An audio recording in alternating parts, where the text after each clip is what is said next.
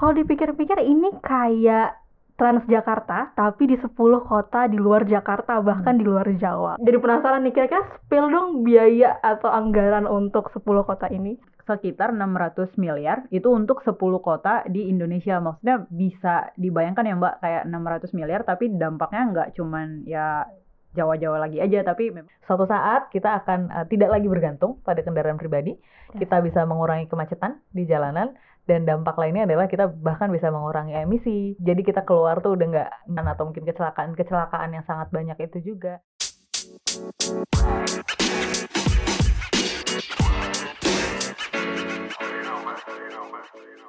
Halo, balik lagi di Ngobrol Lingkungan bersama gue Christine Claudia ditemenin dengan Mbak Finan dari ITDP dan juga Mbak Setki dari Greenpeace Indonesia.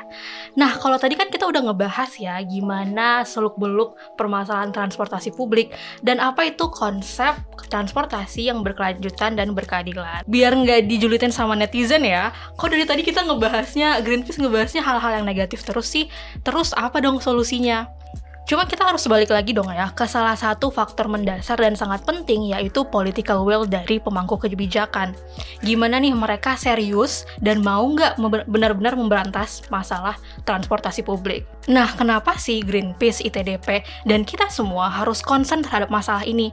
Karena kita tahu dong ya bahwa anggaran pemerintah itu merupakan hasil jeripayah kita semua dari uang pajak kita itu kayak bos dari pemerintah ya. Jadi kita harus mengkritisi dan mengawasi gimana sih cara penggunaan dan juga keefektifan penggunaan anggarannya.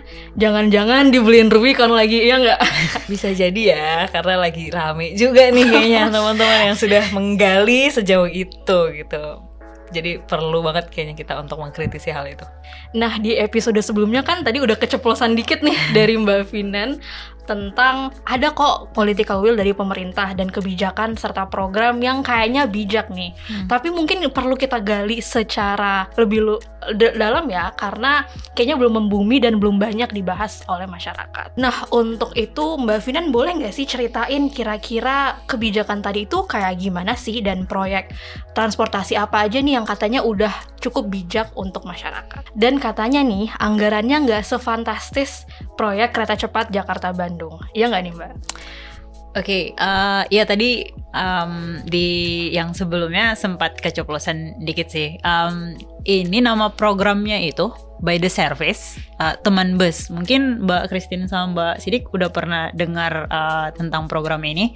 Jadi memang em, kadang-kadang ada yang nyebutnya BTS, kadang-kadang juga ada teman bus. Jadi eh, biar nggak bingung, kami mungkin nyebutnya eh, by the service teman bus aja atau BTS teman bus. Ini em, suatu program dari Kementerian Perhubungan, eh, jadi dari pemerintah pusat, di mana memang fokusnya untuk menyediakan eh, transportasi publik di kota-kota selain Jakarta gitu. Jadi kayak memang fokusnya di sini nggak di Jakarta, tapi memang di kota-kota lain eh, di ya di Indonesia kayak gitu. Latar belakangnya sendiri sebenarnya karena pemerintah pusat melihat bahwa eh, transportasi publik ini belum tersedia di daerah-daerah lain di eh, Indonesia, makanya em, mereka sebagai pemerintah mau menyediakan eh, stimulus ini buat pemerintah daerah. Jadi kayak program ini berupa stimulus untuk penyediaan transportasi publik di daerah Eh, dan harapannya nanti dari program ini tuh bisa untuk eh, memancing orang-orang eh, orang-orang di daerah buat menggunakan transportasi publik. Yang keduanya itu juga lebih untuk eh, kelancaran ber- bermobilitas di daerah. Si programnya ini sendiri by the service ini gimana sih skemanya? Kayak gitu kan paling Hmm. orang sering nanya. Kalau memang yang cukup familiar sama eh, sistem di Transjakarta memang rada mirip, tapi di sini eh, Kementerian Perhubungan dia berkontrak sama uh, operator, operator penyedia layanan transportasi publik di daerah. Jadi operator ini yang akan menyediakan uh, layanannya, tapi pem- Keme- Kementerian Perhubungan ini yang akan membayar semua layanan yang diberikan oleh operator. Jadi uh, tapi ada standar pelayanan minimal yang harus Hmm. dipenuhi. Jadi memang nggak asal aja operatornya Iya. menjalankan layanannya, tapi uh, quotes and quote uh, ada SPM yang harus dipenuhi dan juga uh, standar operasional pro- uh, prosedurnya itu memang harus dipenuhi juga. Jadi memang uh, layanan diberikan nih kayak nggak asal-asalan kayak gitu. Jadi kalau memang layanan yang diberikan udah sesuai, nah posisi pemerintah ini akan membayar uh, layanannya untuk operator ya. Thank you banget Mbak Vin yang penjelasannya jujur kalau dari uh, teman-teman yang sedang ya kami-kami ini jujur kurang tahu sama hal itu gitu maksudnya uh, teman bus itu apa dan uh, bahkan terminologi by the service itu seperti apa gitu. Nah mungkin nyambung sama itu uh, tadi kan ada beberapa kota ya yang di, sudah diimplementasikan. Itu mana aja dan tantangannya apa sih mbak ketika ada satu kota nih dikasih uh, by the service sama si Kementerian Perhubungan? Saya mungkin nyebutnya dari tahun aja ya Mbak. Hmm. Uh, jadi dia 2020 pertama tuh di Medan, uh, Palembang, Jogja, hmm. uh, Surakarta sama Denpasar. Terus okay. uh, di tahun yang selanjutnya di 2021 ada lima kota baru lagi. Uh, Bandung, tapi uh, cakupannya nggak cuma kota Bandung, uh, mungkin lebih dikenal dengan Bandung Raya. Jadi skopnya -hmm. Bandung Raya, uh, Surabaya, uh, Makassar, Banjarmasin, sama Kabupaten Banyumas. Jadi memang ada 10 kota di Indonesia yang sekarang udah um, mendapatkan bantuan dari uh, Kementerian Perhubungan melalui Direktorat Jenderal uh, Perhubungan Darat terkait dengan program uh, BTS teman bus ini. Uh, tadi saya sempat jelasin di sebelumnya, jadi memang skemanya itu dari Kementerian Perhubungan dia langsung ke operator yeah. Ya. um, untuk pembayarannya ataupun penyediaan layanannya. Jadi memang di sini kendalanya mungkin uh, pemerintah daerah hmm. kurang berkontribusi dalam ya. penyediaan yeah. layanan ini di daerah. Padahal kami melihatnya uh, ini suatu program yang baik buat hmm. menyediakan transportasi publik di daerah. Cuman karena ini emang langsung dari uh, Kementerian Perhubungan ke operator, jadi memang uh, daerah ini kalau kami nyebutnya kurang uh, sense of ownershipnya ini okay. terhadap program ini. Hmm. Jadi memang kalau ngelihat keberhasilannya itu case-nya nggak bisa kita ngelihat secara keseluruhan programnya tapi case-nya uh, kota per kota jatuhnya hmm. jadi kayak tergantung bagaimana uh, political will ataupun uh, peran pemerintah daerah dalam mendukung program ini sendiri jadi itu sih uh, salah satu bentuk kendala yang kami temui di hmm. lapangan hmm. Memang uh, sempat beberapa kali juga uh, ITDP ada pekerjaan di beberapa kota yang memang uh, mendapatkan program bantuan ini dan dari hasil uh, kami survei di lapangan itu temuannya tuh uh, banyak masyarakat di, di kota-kota yang udah dapat bantuan uh, BTS ini mereka masih kurang familiar dengan program BTS ini sendiri jadi kayak uh, tadi mungkin uh, sama kayak Mbak Christine sama Mbak Sitki yang belum iya. terlalu yeah. tahu terkait program ini di pas di lapangan juga ada juga nih yang nggak tahu jadi kayak hmm. kami sempat nanya kayak ibu uh, busnya berhenti di mana ya? Wah mbak uh, kayaknya di sebelah sini ataupun kayak gitu ya. itu memang bisa naiknya bayarnya pakai apa mbak? Jadi hmm. kayak malah mereka nanya balik gitu ke oh, kami. Jadi okay. kayak uh, itu sih kendala-kendala di lapangan. Mungkin emang sosialisasinya juga kurang kayak gitu. Uh, gitu sih.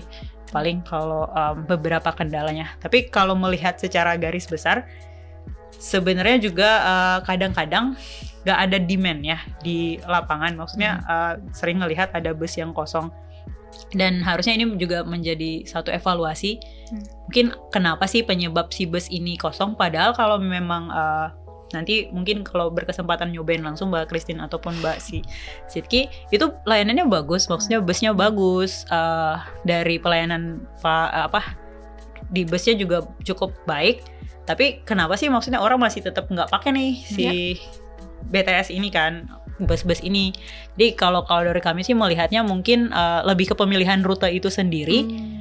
Hmm, mungkin memang rute-rute yang dipilih itu belum merupakan rute yang um, apa ya, yang banyak punya banyak demandnya ya. kayak hmm. gitu ya Mbak. Hmm. Dan uh, satu lagi mungkin lebih ke um, apa ya, lebih ke akses sih. Tadi ini berhubungan sama yang pertama ya, yeah. berhubungan sama yang pertama kayak walaupun uh, ada yang transportasi publiknya tapi akses ke situnya mungkin sulit ya mbak hmm. kayak saya jalan nggak punya nggak ada trotoar ataupun kayak haltenya nggak tahu di mana kayak yes, buat yes. akses ke transportasi publik ini tuh masih kurang lah maksudnya uh, jadi makanya orang juga ngapain sih naik ini kayak gitu yang selanjutnya mungkin tadi yang udah saya bahas lebih ke sosialisasi kayak mm -hmm. sosialisasinya kurang jadi um, masyarakat di sana juga nggak tahu nih ada program ini atau kayak cara gunainnya gimana sih jadi kayak ya udah mungkin agak mubasir tapi padahal ini tuh programnya bagus banget kayak buat yes, nyediain yes. Uh, transportasi publik di daerah. Sayang banget ya kalau misalnya ternyata belum optimal dan masyarakat masih banyak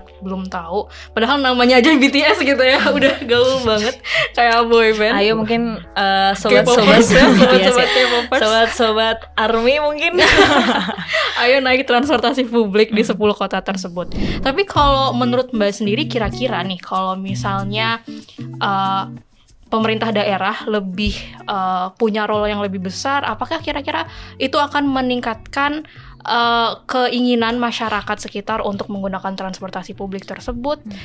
Kira- Dan juga aku jadi penasaran nih kira-kira spill dong biaya atau anggaran untuk 10 kota ini. Jadi anggaran BTS ini mung- sekitar 600 miliar itu untuk 10 kota di Indonesia. Maksudnya bisa dibayangkan ya Mbak kayak 600 miliar tapi dampaknya nggak cuman ya Jawa-Jawa lagi aja tapi memang 10 kota yang di, tersebar di eh, beberapa pulau di Indonesia kan. Jadi memang eh, dengan anggaran segini tapi dia impactnya tuh lebih luas kayak gitu di kota-kota di Indonesia.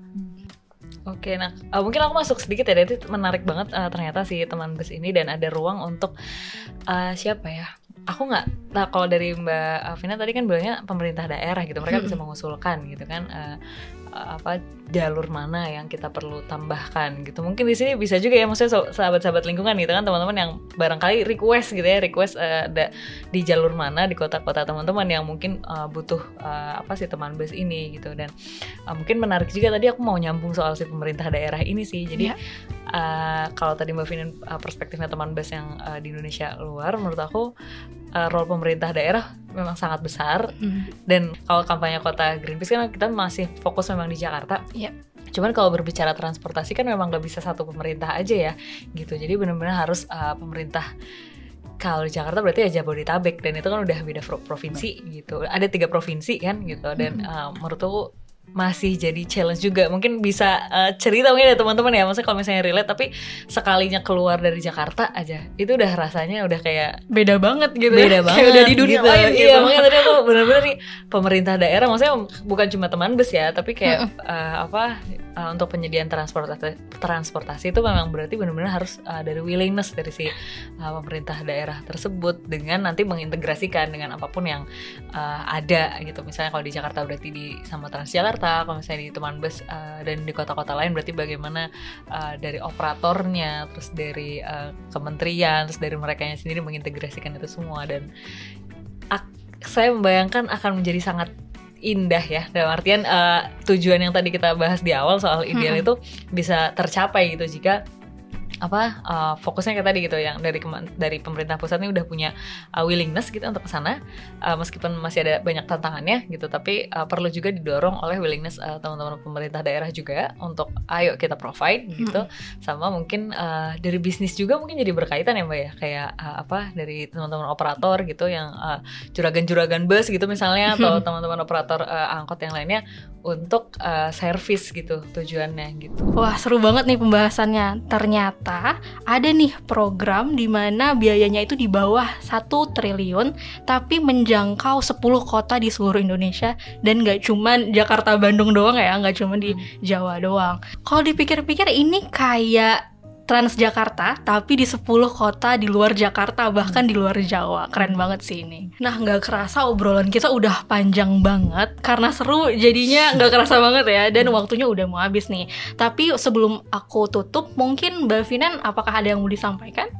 Oke, eh, ya sebagai closing statement aja ya mungkin Yes. dari saya. eh, sebenarnya program BTS ini eh, bagus banget programnya. Tapi eh, ini kayak jadi un- program underdog yang emang jarang banget diliput sama media. Eh, tapi sebenarnya dampaknya ini tuh gede karena memang Ya. menyediakan eh, transportasi publik di da- daerah-daerah atau kota-kota lain selain Jakarta. Tambahan juga untuk eh, sebenarnya penyediaan transportasi publik ini nggak bisa berjalan sendiri, tapi memang harus ada kebijakan-kebijakan lainnya yang juga mendorong orang eh, bisa pindah dari kendaraan pribadi ke Yes. penggunaan transportasi publik. Jadi memang eh, penyediaan transportasi publik sendiri itu memang udah bagus, tapi perlu didukung dengan kebijakan-kebijakan lainnya yang eh, bisa membuat masyarakat untuk berpindah dari kendaraan pribadi untuk menggunakan transportasi publik ini sendiri. Terima kasih. Oke, berarti kebijakannya ini perlu disupport sama kebijakan-kebijakan lain Benar. yang harus sinergis juga gitu ya. Kalau dari Mbak Sitki sendiri gimana? Apakah ada closing statement? Hmm, mungkin menyambung dari awal ya kita berbicara Yes. soal uh, mobilitas kita berbicara soal bagaimana uh, setiap orang itu punya hak gitu kan untuk uh, bermobilitas dengan aman nyaman uh, dan murah tadi juga terus Yes. kita bisa dapat transportasi yang efektif juga jadi uh, aku ingin menekankan soal itu sih. Jadi kayak kami di sini ya kita masih ingin uh, coba terus uh, berjuang apa pun. Ya misalnya tadi butuh ada kebijakan berarti kita harus push uh, soal kebijakan itu. Atau misalnya juga uh, terutama berkaitan sama bagaimana ya uh, terutama kelompok-kelompok rentan um, perempuan uh, masyarakat uh, miskin atau disabilitas dan bahkan lansia gitu untuk uh, tetap bisa bermobilitas gitu dengan uh, dengan nyaman di kota dan di seluruh kota nggak cuma bicara soal Jakarta ya di Yes. seluruh kota uh, di Indonesia gitu jadi uh, dan mungkin ini satu hal ya, cuman uh, kalau berbicara soal uh, transportasi berkeadilan atau transportasi ya perencanaan-perencanaan seperti itu, mungkin akan sangat uh, penting ya untuk uh, benar-benar mengikut sertakan masyarakat-masyarakat yang, yang rentan tadi. Kalau misalnya transportasi publik tadi sudah uh, bisa membuat nyaman dan aman bagi seluruh warganya, seluruh masyarakat kota, makanya harapannya itu bisa jadi uh, faktor tadi kalau Mbak Finan bilang soal shifting ya, soal berubah dari uh, kebiasaan lama kita atau misalnya ketergantungan kita dari kendaraan pribadi untuk pada akhirnya bisa uh, ber- beralih untuk menggunakan transportasi publik. Dan ini mungkin nanti bisa sinergi juga dengan uh, kebijakan-kebijakannya. Jadi harapannya lagi idealnya lagi nih di atas semua ini adalah suatu saat kita akan uh, tidak lagi bergantung pada kendaraan pribadi. Kita Yes. bisa mengurangi kemacetan di jalanan dan dampak lainnya adalah kita bahkan bisa mengurangi emisi jadi kita keluar tuh udah nggak nggak khawatir lah sama polusi udara sama apa bising suaranya bahkan atau mungkin kecelakaan kecelakaan yang sangat banyak itu juga.